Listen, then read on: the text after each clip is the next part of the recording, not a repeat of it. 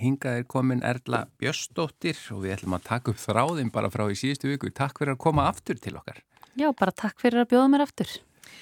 Og þetta eru nú aldrei marga spurningar og meira að segja eh, einn sem konum bara hérna rétt fyrir, fyrir uh, byrjun þáttarins. Já, já. Að, uh, en núna bara eru við eigilega búin að loka fyrir en það er kannski smá smögu ef þið sendu okkur núna þá getum við kannski litið bara á Við verðum líka bara að sjá hvað við komumst í gegnum Já. ekki, að, hérna, vonandi ná að komast í gegnum þetta allt ég er að fletta hérna fleiri, fleiri blöðum.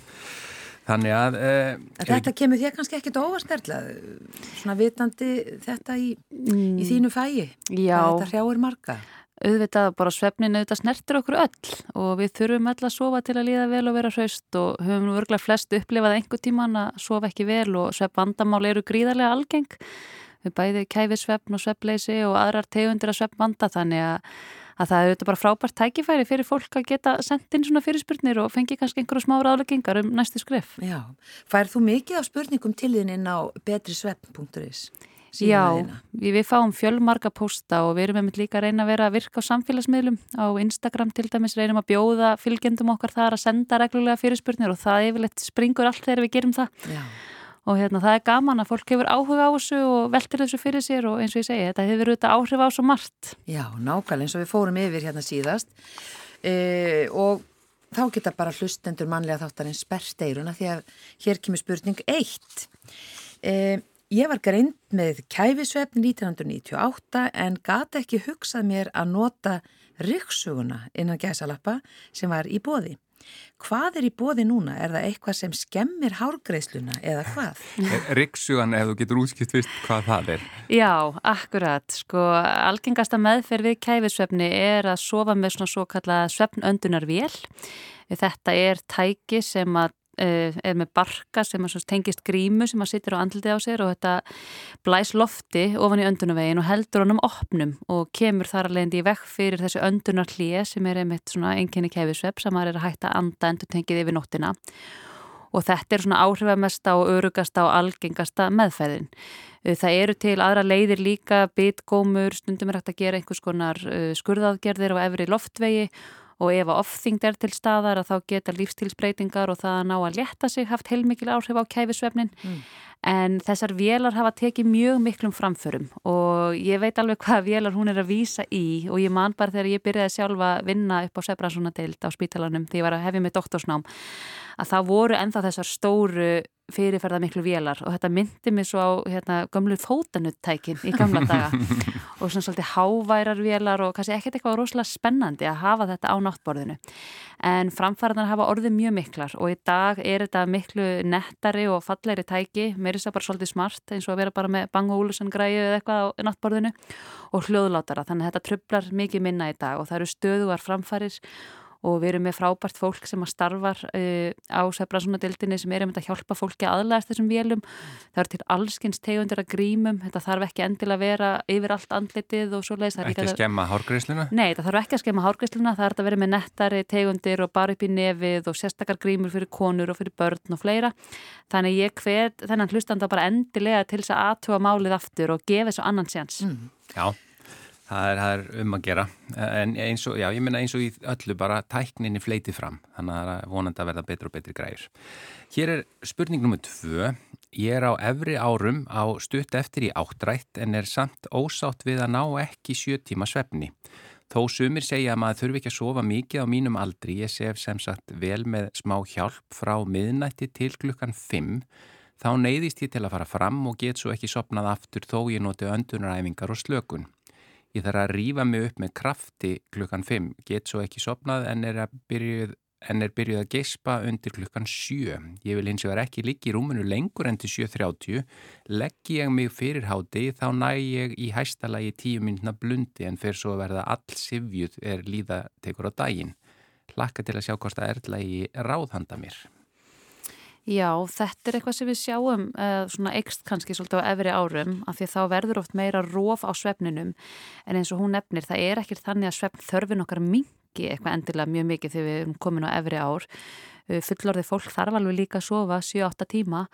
En það kannski þessi hæfileiki að ná alveg samfældum svefni að hann dvínar þannig að það verður þetta meira róf og auðvitað ef það eru miklar andvökur og kannski eins og viðkomandi nefnir þarna að vakna 5 og vil ekki að ná sér niður aftur fyrir en halv 8 um morgunin eða þá fyrir hún fram úr en þá finnur hún að kannski Sivjan er að koma og hún væri tilbúin að fara að sofa að það er kannski svona spurning hvort að hún væri þá farin að tekka í þessi boks að vera bara glíma við svefnleysi og þyrti þá einhvers konar meðhöndlin á því. Uh, hún nefnir þessar slökunar og öndunaræfingar sem eru auðvitað mjög góðu leið uh, líka að leggja sig. Eldra fólk þarf stundum að taka stuttan lúr til þess að bæta sér þetta upp og þá er mitt miðjum alltaf við fyrirpartin og hún greinilega er að gera það en næri ekki nema tíu mínútum og svo kemur þessi sifja hérna setnipartin og það er spurning hvað viðkomandi gerir þá af því þá myndum við alls ekki velja að dotta af því það fyrir síðan að hafa slæm áhrif á nóttina. Þannig að þá væri betra að fara mitt bara út í göngutúri að reyna að halda sér virkum og þetta snýst allt svo rosalega mikið bara um það hvernig líður mér yfir daginn. Er ég að finna að þessi skertisvefn er að hafa neikvæð áhrif á mitt daglega líf og bara þau verkefni sem ég þarf að sinna?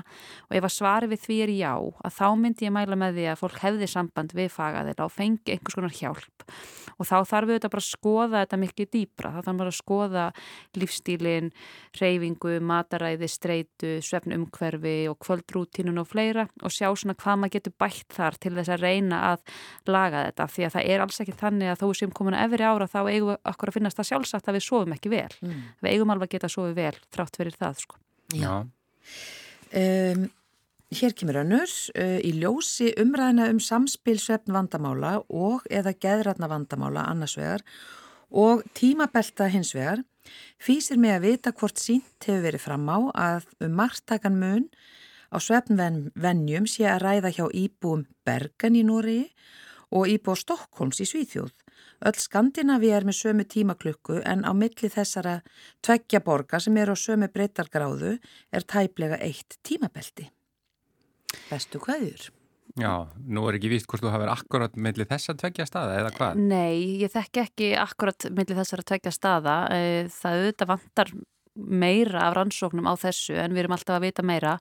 Það hefur, hefur skoðað svolítið í Noregi og sérstaklega í Norður Noregi, í Tromsø til dæmis, þar sem að er með mjög mikið skamdegi og þar hefur komið í ljós að svefn vandamál og svefn leysi sérstaklega er algengar á veturnar. Þetta verðist ekki haldast endil í hendur við aukna deburði eða þunglindi eða eitthvað slíkt en við erum að sjá aukna tíðni í svefn leysi en þetta er hjá fólki 40 ára eldra. Það væri mjög áhugavert finnist mér að sjá þetta hjá yngra fólki líka af því að það talað um að yngra fólk sé kannski aðeins viðkvæmara fyrir þessu byrtu breytingum.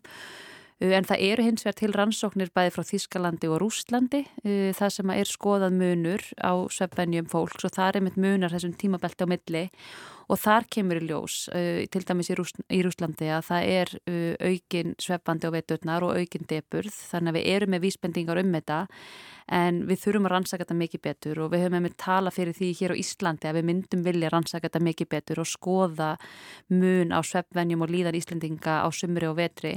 Og bara eins og með skamdegistunglindi Íslendinga rannsóknuna sem við eigum sem hafa verið gerðar eru bara í kringum 1980 veist, þetta er svo gamla rannsóknir Já. þannig að við myndum vilja gera þetta aftur og, og höfum verið með áform um það þannig að vonandi fáum við betri tölur og betri mynd af þessu svona á næstu árum Mm. Já, við fáum, það eru aðra spurningar setna sem að snúa líka að þessari breytingu klukku og annað sko, þannig að við komum betur því á eftir en vonandi svaraði þetta spurningunni fyrir uh, þennan sem sendi þessa. Hér er næsta, uh, hefur ómeðhöndlaður kæfisvefn skadleg áhrif á líffæri svo sem heila, hjarta og eða önnur líffæri? Spyr kona sem var greimt með kæfisvefn á háustígi fyrir fjórum mánuðum og er enn á laungum byðlista eftir svefnvél. Já, uh, sko ómeðhandlaðu kæfisvefn hefur allskins áhrif og uh, hann hefur áhrif á hjart og æðakerfi. Við erum líklar til að fara með háþrýsting, eigur líkur á sigusíki tegund 2 og við erum líka að sjá tengsl við einmitt heilarhörnuna sjúkdóma, Alzheimer og fleira. Það sem auðvitað gerist í kæfisvefni að fólk er að hætta að anda endur tekið yfir nóttina og í þessum öndunar hljöfum að þá verður falla súrefnismettun í líkamannum. Þannig að það er svona ákveðin súrefnisskortur og við erum að erfiða í raun og veru alla nóttina, líka minn er að berjast við að bara halda okkur á lífi í raun og veru og við erum að berjast við að ná andanum og það verður þetta ála og hjarta æðakerfið, blóðþristingurinn ríkur upp og sjúklingar vakna oft bara út kerðir í staðin fyrir út kvildir af því að maður er einmitt að erfiða þarna alla nóttina auðvitað er þetta langur tími ef að viðkomandi er með kefisöfna háustígi þannig að það er spurningum að reyna að íta á eftir þessu og komast á, á söpvél. Ég veit auðvitað álæðið er mikið á spítalanum og sérstaklega núna í þessu COVID ástandi en það eru allskyns forgangslistar, sérstaklega fólk er með mikinn kæfi svepp. En þessi sveppvél sem hún nefnir, það er ekki það sem við vorum að tala um áðan. Hérna, Jú, það er, er það sama? Það er, er svona langu byggðlisti eftir slíku tæki? Já, samkvæmt þessu, ég held nú að hann væri ekki svona langur en ég er ekki lengur sjálf á spítalan þannig ég þekki það ekki alveg og mögulega eins og ég segi er COVID ástandið að hafa einhver áhrif á þessa byggðlista en ég myndi bara hvetja viðkomandi til að ringja upp yfir og kanna stöðuna og það er alltaf gott að láta vita af sér og sérstaklega maður hefur áhyggjur.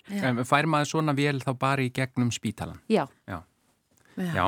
En að, svona, talandu um þennan kæfisvefn, hrótur eða mikla hrótur þarf ekki endilega því að maður sé með kæfisvefn það? Það þarf ekki að vera en hrótur er samt mjög algengt einkenni kæfisvefns og hrótur án kæfisvefns geta líka haft áhrif á svefn gæðin okkar en það er kannski ágætt svona að því við erum að fjalla um kæfisvefnina því hann er alveg svolítið vanngrindur og rannsóknir sína það að það eru margir með kæfisvefn án þess að átta sig á því hann er kannski ágætt svona rétt að tala um helstu enkennin og þau eru hrótur uppvaknanir um meðanætur, svona róf á svefninum, svitna á nóttinni, bakflæði og annað. Sumir sjúklingar eru kannski ekkert varir við þetta, það frekar makinn sem er að kvarta með undan rótum og annað, mm. en svo er það þessi sifja á daginn. Vakna bara óendur nærður, veða þreytur og orkulegs og sifjaður.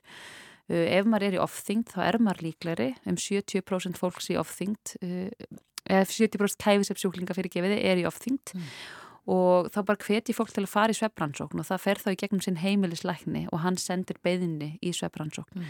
og ég veit að það hefur verið að fara að byrja að gera þessar sveppransóknir líka á heilsugjæslustöðunum þetta hefur verið fyrst og fremst á spítalanum hérna á höfuborgarsveðinu en það er verið að færa þetta út á heilsugjæslustöðvarna til að auka þjónustuna og stitta bygglista þannig að það er um að gera fyrir fólk að fara í svona rannsókn, hún er einföld og lítið ingripp, maður fær mm. bara búna sem að sefi með heima, Já. þannig að þetta er ekkert mál og það er betra að vita það en ekki ef maður er með þetta. Er munur á því hvort að hrótur eru háværar eða láværar? Já, það er munur á því og háværar hrótur einmitt eru kannski frekar merki um kæfisvefn og, og við, þegar við erum að mæla þetta þá er mynd stundum spurju við, þú veist, heyrastar á milli herbergja, það er orðan mjög háværar hrótur sem að vantanlega eru farin að hafa áhrif á gæðisveps og bæði hjá viðkomandi og líka og hjá makan. Já, já, ég myndi að hugsa það, það lítur að vera. Jú, jú. Hefur jætt mikil, eða ekki jætt mikil en hefur náttúrulega áhrif á, á, á þann sem sefur við hliðin á. Já. Uh, bara næsta spurning. næsta spurning.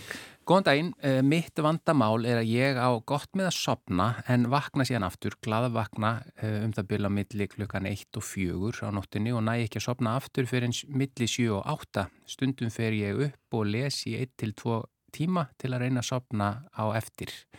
Það kemur undan engin bein spurning heldur en, en það vantarlega Já, þetta eru þetta bara merki um sveppleysi og svefleysi mitt er bæði lýsið sér þannig að eiga erfitt með að festa svefn á kvöldin en svo er að þessi tegund líka að maður sopnar en svo bara vaknar maður upp og er andvaka og það eru þetta alveg vond vandamál eins og það ná ekki að sopna og að vera vakandi í fleiri, fleiri klukkutíma hverja einustu nótt að gefur auga leið að það hefur mjög mikil áhrif. Maður er þá að fá skertan svefn sem hefur það áhrif á líðan og lífskeiði daginn eftir. Þannig ég mæli með því að maður leiti bara til fagaðila og fái meðhandlun við þessu og það er þá þessi hugræna atferðismeðferð sem virkar best gegn svefleysi þannig að hérna, um að gera taka á því því þetta er ekki eitthvað sem maður vil láta vera til lengri tíma. En hún nefnir að, viðkomandi nefnir að fara fram og lesa og það getur oft bara verið gott ef maður er andvaka og liggur upp í rúmi að það er ofta einhvern veginn þjónar mjög litlum tilgangi að bara bylta sér og pyrra sig og einhvern veginn að ná ekki að sopna og reyna að krist aftur augun og hérna ætlast til að sopna því það oft bara einhvern veginn eigu spennuna í líkamannum mm. og þrýstingin á að reyna að sopna þannig að stundum er betra að standa bara upp, fara fram, gera bara eitthvað rólegt og afslappandi frammi í smá stund og leggja þetta svo aftur upp í, svona rjúfa oft þetta minnstur þegar maður er að bylta sér þarna um nóttina. Já, næsta spurning er kannski keimlík þessari upp á einmitt þetta að get ekki sofið heila nótt eh, og einugis nokkra tíma en hér er verið að spyrja sagt, um þetta vandamál hjá þeim sem eru greindir með einhverfu og ornir fullortnis. Uh, hún er að spyrja hérna eða hann sem sagt hvort að þú hefur kynntir eða rannsakað eða hjálpa til við meðhöndlun slíkar svefnvandamála hjá einhverfum fullordnum? Já, ég hef alveg verið með einhverfa hjá mér uh, í meðferð. Ég á líka sjálf einhverjum bróður þannig ég þekki þetta líka bara vel af eigin hendi og við veitum það að sveppvandamál eru algengari hjá til dæmis einhverjum börnum og úlingum sérstaklega og svona þær aðferðir sem við notum til að hjálpa við sveppn þarna er ekkert ólíkar því sem við notum bara almennt og fólk með einhverfi hefur oft mjög mikla þörf fyrir ramma og reglu og þannig að maður þarf að leggja höfuð áherslu á það og sérstaklega kannski hjá börnunum. Og öll rútína þarf kannski að vera miklu stífari og nákvæmari heldur en kannski hjá okkur hinnum og það er alltaf svona fyrstu leiðbenninga það sem maður myndi vilja gera, það er að skoða hvað get ég gert sjálf til að búa til gott umhverfi fyrir svefnin, til að breyta vennjum og lífstíl á þann hátt að ég hámarki líkur á því að sofa vel. Þegar það hefur verið reyndi hlítar og ekkert gengur og þá getur maður kannski skoðaðið með möguleika á einhvers konar livjagjöf að því að stundum getur þurft þess, sérstaklega ef einhverjum er mikil og við sjáum það hjá sumum börnum sem eru með mikla einhverfu að þau þurfa að lifa allavega tímabundi til þess að hjálpa sér. En ég myndi alltaf byrja á þessu og skoða regluna og rútinuna og lífstílinu og hvað við getum gert þar og bara minna sig á að oft með þessa einstaklinga þá þurfum við einmitt kannski bara enn skýrari ramma heldur en hjá okkur hinnum og við þurfum öll einmitt ramma og reglu í kringum svefnin sko. Já, Já. Heyrðu, fáum eitt lag núna, brjótum þetta aðeins upp. Uh, uh, það er Vilhjálmur Vilhjálmsson sem syngur hér svefnljóð svo höldum við áfram með Erli Björnstóttur nóg af spurningum eftir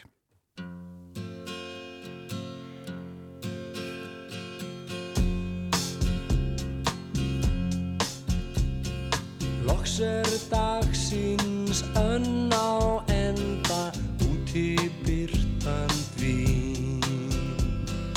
Byrðu fyrir blökkum skugga byrtu auðin þín. Ég skal þerra tár þíns trega tendra falinn eld svo við getum saman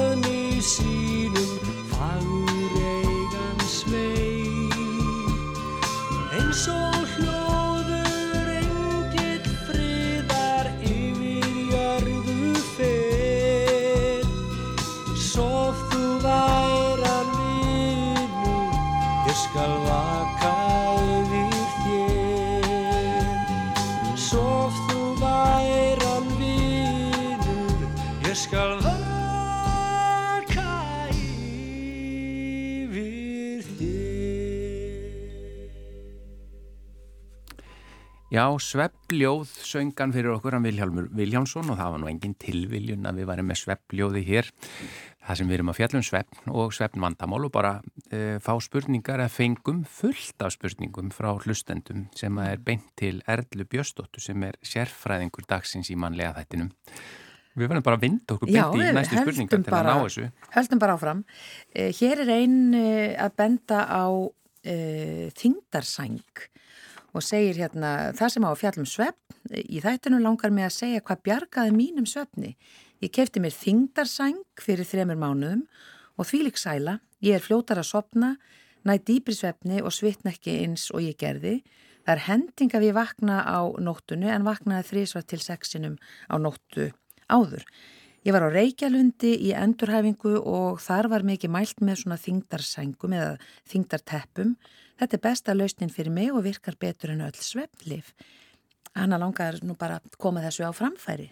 Já, Er þetta eitthvað sem þú hefur heyrst? Eða? Já, já, ég hef alveg heyrt einmitt gott af þessum sængum látið og bara frábært að heyra að þetta hafi gagnast svona vel fyrir viðkomandi og auðvitað miklu betra að nota þingdarsæng heldur svona að taka sveplif. Hvernig Það virkar er það? alveg klárt og þetta eru svona, þær eru mjög þungar eins og hérna orðið ber, ber með sér og þetta hefur verið, var kannski fyrst mikið notaði með fyrir börn með ADHD og svona óróleika að það hefur svona róandi áhrif að vera með þunga sæng ofan á sér að þú nærð meiri ró í líkamann og það virðist skila þessum auknum sveppgæðum. Uh, ég veit nú ekki hversu mikið þetta hefur verið rannsakað og hef ekki kynnt mér það eitthvað sérstaklega en maður er að sjá mikla aukningu á þessu bara í sölu hér á Íslandi og ég hef verið með skjólstæðinga hjá mér með sveppanda sem að nota þessa sængur og lýsa góðum árangri af því.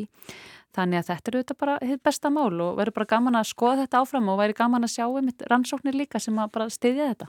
Já, já, þetta er bara, veistu hvað eru þungar? Bara ég er forvitin um þetta. Þetta... Nei, ég þekki það ekki sko. Nei, já, ég finnst það áhugavert. Hér kemur spurning og hún er í nokkrum liðum og ég ætla svona, eh, já, ég, ég fer bara yfir það því ég held að meira og minna þú getur svarað þeim öllum í einu. Eh, hún er svona, hvers vegna var klukkunu ekki breytt? Eh, væntalega þá síðast þegar umræðan var í gangi og hverja til þú líkur á að það verði gert? Eh, skiptu viðskipta sjónamið máli í því, meiri máli en velíðan fólk spyr hann sami. Uh, myndu halda áfram að vinna í þessu máli, hann greinlega beinir þessu tíðin að veit að þú hefur verið að vinna að þessu. Uh, og varst ekki fyrir vombriðum þegar stjórnvöld tók ekki mark á ráðleggingum vísindamanna? Og er þetta ekki líðhelsu mál fyrir fólki í landinu? Já, uh, þetta er vissulega líðhelsumál og ég var fyrir vonbröðum að við skildum ekki breyta klukkunni. Uh, mér fannst vera sterk rauk fyrir því að fara í þessa breytingu og við áttum uh, margir vísindamenn góða fundi með upp í fórsýtsræðuneti um þessi mál og mér fannst ekki nægilegar útskýringar á því hvers vegna ekki var farið í þetta. Ég fekk ekki haldbær rauk fyrir því. Uh, Það hafði verið gerða skoðanakannanir inn á Gallup til dæmi sem að síndi meirluta þjóðarinnar uh, vilja fyrir þessu. Það voru gríðarlega margar umsagnir sem að bárust inn í þessa samráðskátt. Ég held að aldrei hafi komið fleiri umsagnir um neitt mál og þær voru auðvitað bæði jákvæðar og neikvæðar og ímis rauksendtekjun voru til og við auðvitað reyndum að steyðjast við þær rannsóknir sem til eru á þessu efni og hérna meðal annars voru áhyggjur fólks að því að ef við fengjum ekki byrtuna setnipartin að fólk myndi reyfa sig minna, útvist myndi minka en rannsóknir steyðja þetta ekki til dæmis. Við sjáum það að mikil byrta á kvöldin, hún er ekki æskileg og það hefur sínt sig að klukkutími af auka byrtu á kvöldin uh, stittir svefnin um 20 mínútur. Þannig að það eru svona ímisrök sem að nýja að þessu en auðvitað vantar okkur meiri tölu frá Íslandi og ég er ekki hægt að berjast fyrir þessu málefni. Mér langar bara að gera fleiri rannsóknir, skoða mun hér á Íslandi eftir landslutum og eftir árstíðum og ég var auðvitað mjög bjart sín að þetta erði gert og hef aldrei verið jafn bjart sín einn að því við komum svo langt með þetta og mér fannst rökin vera svo sterk þannig að vonbreiðin voru vissulega mikil en ég er ennþá bjart sín á því að það mun einhver tíman takast, við þurfum bara fleiri gögn og fleiri rannsóknir og það er bara í höndum okkar vísindamanna að halda þeirri góði vinnu áfram. Já, þú talar einmitt um það síðast að það munaði því að, að sofa fyrir austan og hér fyrir sunna. Ég, það munar sko á klukkunni, það munar á þessari mismun, þessari skekju sem við búum við og þess vegna er mikilvægt að skoða mun á svefnvenjum á þessum stöðum og þar vantar okkur haldbargögn og það er eitthvað sem við erum með á prjónunum að fara í slíka rannsóknir. Og eftir að þið kynntuð ykkar mál, það, þið fenguð ekki skýringar á því af hverju það var ekki breytt eða hvað? Nei, við fengum, ég fekk allavega engar skýringar og svona það sem kom fram í fjölmjölum fannst mér ekki halda vatni þannig að ég bara hef ekki fengið þau rauk sem að mér finnst stiðja það af hverju það var ekki farið í þessa breytingu og hvort að viðskipta sjónamið hafi ráðið meiru, það, það getur vel verið. Ég kannski er ekki rétt að manneskinni að svara því en mér varst allavega ekki verið að fara eftir þessum líðhelsu sjónamiðum og því sem að vísindamenn á þessu sviði lögðu til. Já. Þá næsta, er, hún er hérna svona í tveimulegðum, getur líst áhrifum skamdegis á fólk og hvernig því líður í skamdegin, þetta er auðvitað tengt því sem við vorum að tala um og, og hafa verið gerðar rannsóknir á Já, sko eins og ég nefndi hérna áðan að þá vantar okkur mjög mikið rannsóknir hér á Íslandi. Það eru mjög gamlar þessar rannsóknir sem við eigum og þær síndu að við værum ekki að glíma við auki, aukna tíðina skamdegist þunglindi bara með að við aðrar þjóðir og mögulega værum við bara búin að aðlagast því að vera í þessu mikla myrkri. Uh, við vitum alls samt vissulega að fólk er mjög misjáft og þetta hefur áhrif á marga og ég sé það auðvitað bara mjög vel í mínu klíniska starfi að það eru mjög margir sem leita til mín á þessum árstíma uh, bæði vegna orkuleysi, stepurðar og svona bara þingsla og líka vegna erfileika við að fara á fætur og maður er að sjá fólk sem er að lenda í vandræðum í vinnu, að geta mætt í vinnu, ungt fólk sem ég er að flosna upp úr námi, getur ekki mætt í skólan út af þessu. Þannig að þetta hefur mismikil áhrif á okkur en þetta hefur mjög mikil áhrif á suma hópa og unga fólki kannski sérstaklega sem er einmitt með svona senkaða dægursveiflu fyrir. Og það er bara vegna þess að þegar við erum að vakna í þessu mikla myrkri að þá erum við með þetta svefnhormón, þetta melantónin í blóðinu uh, þar til að fyrir að byrta og þetta getur valdið því að við erum orkulegs og erum þreytt og náum ekki alveg upp svona orkunni okkar fyrir að það er orðið bjart. Og þá getur verið gaglegt að nota bara þessi dagljós þeim eru dagljósa lampar sem að gefa frá sér mjög skæra byrtu 10.000 lúks er styrkleikin og mér finnst það sjálfur til dæmis bara algjörð þarfaþing á þessum tíma árs að vera í dagljósi, ég nota það alltaf á morgnana. Og fjöldin allur á rannsóknum sem að stiður þessa lampa og sínir það að vera í svona byrtu fyrst eftir að við vöknum að það hefur svipið áhrif eins og að fara bara út í sólina. Og við vitum alveg flest hvernig það er að fara beint út í sól þegar við vöknum, við erum fljóta ná upp orgu og, og hérna einbeitingu. Þannig að ég held að notkunin gæti alveg verið meiri þarna allavega með að við erum ennþá á með þessa klukku eins og hún er og þetta er líka bara eitthvað sem væri sniðut að hafa til taksin í fyrirtækjum og skólum þannig að þegar maður mæti þetta vinnu í myrkrinu þá getur maður farið í þessa byrtu í 20-30 mínútur. En hvað er, er þetta sko bara til þess að skilja hvernig hann virkar? Er það nóg að hafa hann bara í rýminu sem þú ert í eða þarf þetta að setast fyrir framannan og, og fá hann í rauninni í gegnum augun eða? Nei, sko þú þarf ekki að horfa í ljósið og þetta er mjög skærbyrta þannig að það væri vantarlega óþægilegt. Þeir eru aðeins misjafnir að stærð þannig að það verður aðeins eftir stærð lampans hversu uh, mikið rými hann lýsir upp. Uh, minn lampi er uh, svona kannski aðeins stærð heldur en að fjögublað og hann er úr Eirberg og hann lýsir alveg peilt herbergi. Og ég hef oft með hann á morgunverðaborðinu heima uh, á mótnana og börnin mín kalla þetta orkuljósið, svoga staðisu á mótnana og við, ég er það bara að lesa blöðin og þau eru að fá sér morgumat og við erum bara öll í þessari byrtu.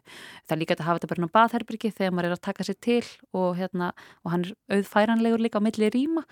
Og það er mælt með allavegna ná svona 20 mínútum en til dæmis, maður má alveg vera í þessu lengur og ég yfirleitt, ef ég er að vinna heima þá miða ég bara við að það er til fyrir að byrta úti þá slekk ég á lampanum. Og maður finnur það alveg á sér að maður er einhvern veginn orku meiri og svona einbyttinginni fljótari að koma. Og þetta á þá líka að leiðrætta svona sveplur í melantónin framlegslu og tryggja það að framlegsla melantónin byrji á réttum tíma næsta kvöld. Þannig að maður sopni líka á réttum tíma. Af því að ef maður er með melantónin framlegslu í blóðinu kannski alveg framöndir hádegi að þá getur líka verið að maður sé að senka framlegslunum kvöldi þannig að maður sé að skekja taktin sinn.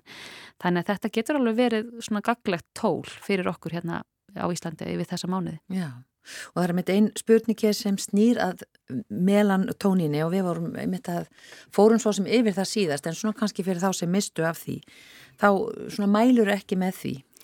Sko ég, melantónin er ekki beint svepplif, það er kannski lif sem maður hugsa til að stilla dægursveplu og getur verið gaglegt fyrir vaktavinu fólk eða fyrir fólk sem er að ferðast yfir mörg tímabelti, fyrir eldra fólkstundum, uh, hjá eldra fólki dregur uh, úr eigin framlegslega melantóninni og ef svo er þá getur alveg verið gaglegt að taka það inn.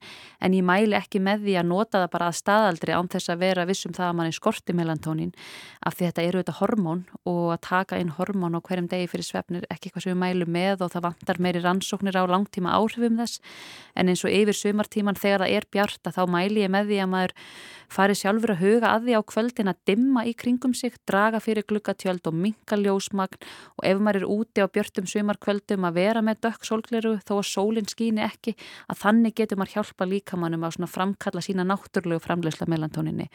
Þannig að ég myndi segja að það sama myndi gilda um melantóninni eins og önnur svepplifa. Það eru þá í sem minnstu mögulegu skömmtum og í sem styrstan tíma í einu en ekki eitthvað sem maður myndi nota að staðaldri. Mm. Já, Þetta ætti að vera ágættis svar við, við þessum spurningum. Uh, ef að vind okkur í næstu? Já, er það ekki bara? Þessi hérna, ég er komin vel yfir miðjan aldur en ávið þann vandastriða ég hef miklar draumfarir allar nætur og vakna þreyttur á matnana og hef, þetta hefur staðið í mörg ár. Er þetta þekkt og hvað er til ráða? Þannig að bara reynlega draumarnir er að trubla svefnin. Já, maður heyrir þetta alveg stundum að fólk er að upplifa miklar drömfarir og stundum martraðir jafnvel sem að er er að trubla. Uh, þetta getur tengst ímsu. Uh, þetta getur til dæmis tengst álægi eða streitu eða einhvers konar andleri vannlíðan. Við vitum það að í drömsvefni að þá fer fram tilfinningarlega úrvinnsla og það verða oft raskanir á drömsvefni þegar við erum undir einhvers konar andlegu álægi. Það gæti verið eitt. Þetta gæti líka verið merki um skert svefgæði, mögulega kæfisvefni eða eitthvað slíkt sem að sé að valda því að maður er ekki að fara nýri djúpasvefnin og það eru þessar drömfarir.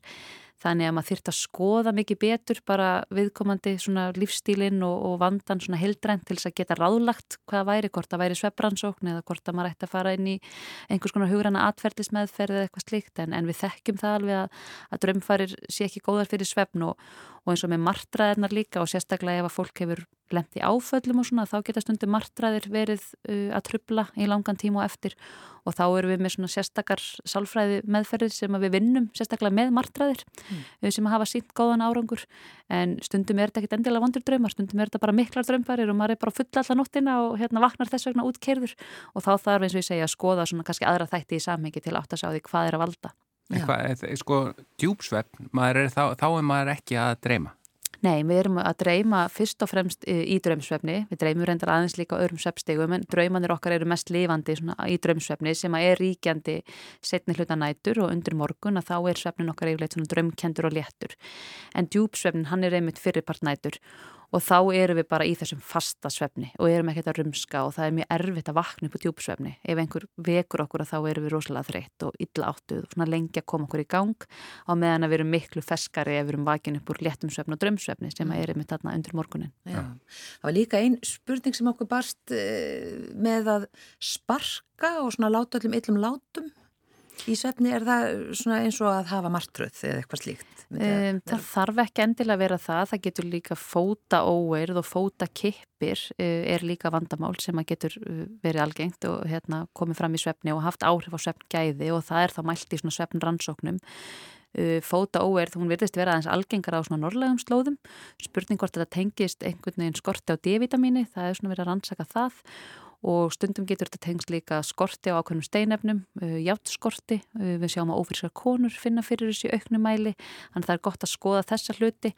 Og reyfing hefur góð áhrif á þetta, regla og rútína en ef þetta er orðið mjög mikið og miklir kippir og einhver svona ólæti í svefni að þá myndi ég mæla með því að fara í svefbransókn og skoða það því það eru þetta líka dæmum fólk sem að leikur úr draumana sína og, og sínir allskinn sérkennilega hegðun í svefni sem að hefur þetta slæm áhrif á svefgæði og getur þess vegna reynst hættulegt ef að fólk er að fara á ferðina og jæfnvel að hérna, trubla makasinn sko, eða aðra sem að sofa í sama rými. Já. Aðeins bara þessu tengt eh, fólk sem talar, það eru kannski margi sem umla og svona, svona tala óskýrst upp úr svefni en, en þeir sem tala alveg skýrst og makar heyra bara eh, mjög hérna svona eðlilegar setningar bara eins og viðkomandi sé sé vakandi. Er það líka kannski partur af svona einhverju drömförum og margtröðum eða einhverju slíku? E, það getur auðvitað tengst við en e, allskinn svona hegðun í svefni, tala í svefni, ganga í svefni, láta illa í svefni. E, þetta er yfirleitt eitthvað sem kemur miklu frekar fram ef við erum undir álægi, við erum mm. döðþreytt, við erum kannski drukkið áfengi, við erum með hit hita, allt svona álag eigur líkur á því að þessi hegðun komi fram. Mm. Þannig ef við erum að sína þessa hegðun í svefni þá þurfum við að tryggja það rosalega vel að vera með góða svefnbrútínu, passa lífstílin okkar og passa það við sem að fá nægan svefn og maður heyrir það einmitt ofta fólk sem að hérna, einmitt talar í svefni eða gengur í svefni eða eitthvað slíkt að það upplifir þetta oft þegar að sefir á nýjum stað, erum að ferðast erlendis eða eitthvað, þá kemur þetta frekar fram og maður hefur hert ófáar sögurnar af fólki sem endar fram að gangi á hotelli hérna, og vaknar allt ínum og læsa sér úti því það er að ganga í svefni. Þannig að hérna, þetta getur komið líka fram einmitt í svona nýjum aðstæðum. Já, mm -hmm. það er eiginlega bara ein spurning eftir. Já, uh, og í rauninni er þetta smá saga og spurning. Eh, hér kemur þetta, mér langar að varpa á ykkur smá sögu og spurningu. Ég hef nánast allan minn starfsferil starfað í óreglulegri vaktavinnu á sjó. Þegar ég kom í land og hætti að vinna rugglaði svefnin og ég vaknaði ofta nóttinni en átti tilturlega auðvelt með að sopna aftur. En fyrir um ári síðan eh, fór hirtnarsuð fyrir alvör að gera vart við sig og magnast upp í viðvarandi hátíðni hljóði sem breytist stundum í drunur. Til að sopna nota ég hljóðvarp til að yfirgnæfa heyrnarsuðið en svefnin er yfirleitt mjög óstöðugur og margar nætur í viku uh, ég í, vakna ég á hálftíma fresti alla nóttina. Eins og gefur að skilja sækir sveppdrungi mig oft á daginn eftir slíka nætur kvíld og þegar ég skuttlast á bílnum eitthvað kemur fyrir að ég þarf að leggja í bílnum í stæði í smástund til þess að fá mér smá kríu undir stýri. Ég hef aldrei notað sveppli og ekki spenntur fyrir því er það kannski eina ráðið að koma sér bara aftur í erfiðisvinnu eins og þegar var á sjó. Eh, kær hvaðja? Já, uh, við vitum það að vaktavinna að henni fylgja aukinn sveppandamál og svona óræklulegu svepptími og sérstaklega kannski að maður hefur verið mjög lengi í þannig takti og ég hef oft hert þetta frá sjómunum sem að til dæmis hafa verið á uh, svona vaktarkerfi sem eru 6 tíma vaktir og svo 6 tímar í sveppnu og borða og gera allt annað sem að gefur auga leið að maður næri alltaf bara mjög stutt um svepplótum og það verður svolítið vera jafnvel að líkamsklukkan stillist inn á þetta og svo þegar maður kemur í land og ætlar að fara að sofa eðlilega þá er maður svolítið fastur þarna. Þannig að það geti verið uh, eitt og eitthvað sem maður þarf þá svolítið að vinna með til þess að skapa betri rútínu. En svo nefnir hann líka þetta eirnasuð og við þekkjum það alveg að það hefur áhrif á svefn og það getur verið mjög trublandi Er það þetta sem er kallað tinnitus? Já, Já. það er það einmitt sko. Og það tengist auknu, aukni líkum á svefleysi og það er einmitt þetta að nota hljóðvarp eða einhvers konar hugleðslu eða núvinnundaræfingar sem að hjálpa manni að útiloka þetta hljóð og ná að sopna og við komum til að verðist gera það. En það er spurning að vakna hálftíma fresti náttúrulega rosalega oft yfir nóttina og mjög miklar tröflanir á sveppgæðum og bendir þá til þess að viðkomandi sé vantilega ekki að fá djúpsvefnin og þennan samfælda svefn sem að gefur okkur auðvitað kvildin og endunæringuna og enda heyru við það að það er þessi dagsifja og þessi þörfjabil til að sittast undir stýri og sopna, uh, keir út í kant. Þannig að það er spurning hvað er að valda allir með þessum uppvöknunum og er það yrnastöði sem er að vekja upp eða er það eitthvað annað og þarna kannski myndi maður sitta spurningamerki við kæfisvefn. Gæti það verið þessar tíðu uppvaknanir og þessi mikla dagsifja? Uh, það er alveg eitthvað sem ég myndi aðtuga og uh, fara kannski í svefbransókn eða hérna, allavega ræða við minn heimilisleikni um það hvort að það væri möguleiki. Að því eins og ég nefndi á hann, það er svo vangreint. En þetta er allavega ekki svefn sem við myndum vilja sætt okkur við og það er alveg 100% hægt að gera eitthvað til þess að bæta svona svefn. Að því að vera að vakna hálftíma fresti allan nóttina það hefur svo mikil áhrif bara á líðan og, og hegðun daginn eftir og afköst og, og allt saman. Já. Já. og það er einmitt, ég sé hérna, það er ein spurning eftir. Já, örstutt, við náum minna því að við, við erum að ná í gegnum þetta allt sko, Já, þessi komir sér bara á síðustu stundu og við hérna, þú nærði henni kannski með stuttusvar Já, hver er besta leiðin til að lengja djúpsvefn? Besta leiðin til að lengja djúpsvefn er að hafa algjöra reglu á svefn tímum Eh, forðast allt koffín eftir hádegi, reyfa sig daglega og passa sig á sigri og sleppa áfengi. Ég myndi segja að þetta væri, og, og dragu streytu. Þetta er svona bestur aðan til að fá góð söpgæði. Þetta er svona eins og forvarnir bara. Í raun og veru, já. Já. Já, heyrðu, Erla Bjöstóttir, þakka þér innilega fyrir að koma hérna og þarna voru, þetta voru eins og hríðskotabissa bara á þig, spurning, þetta hraðaspurningar. Já, þetta var næstu eins og, eins og slíka spurningar, það er alveg rétt. Takk fyrir að koma og vera sérfræðingur vikunar hjá okkur, dóttar Erla Bjöstóttir og við bara bendum á betrisvefn.is ef að fólk vil eh, afla sér frekar upplýsinga um svefn og svefn vandamál. Já. Ég veit að hlustendur, ég tala fyrir hönd þeirra öruglega allra sem hafa núna bara fengið svar e, bara kærar þakkir. Takk fyrir mig. Og geti það, geti jafnvel vel verið að við köllum í þengt tjóðan í framtíðinni, látum líða smá tíma núna. Já, ekki málið, ég er alltaf til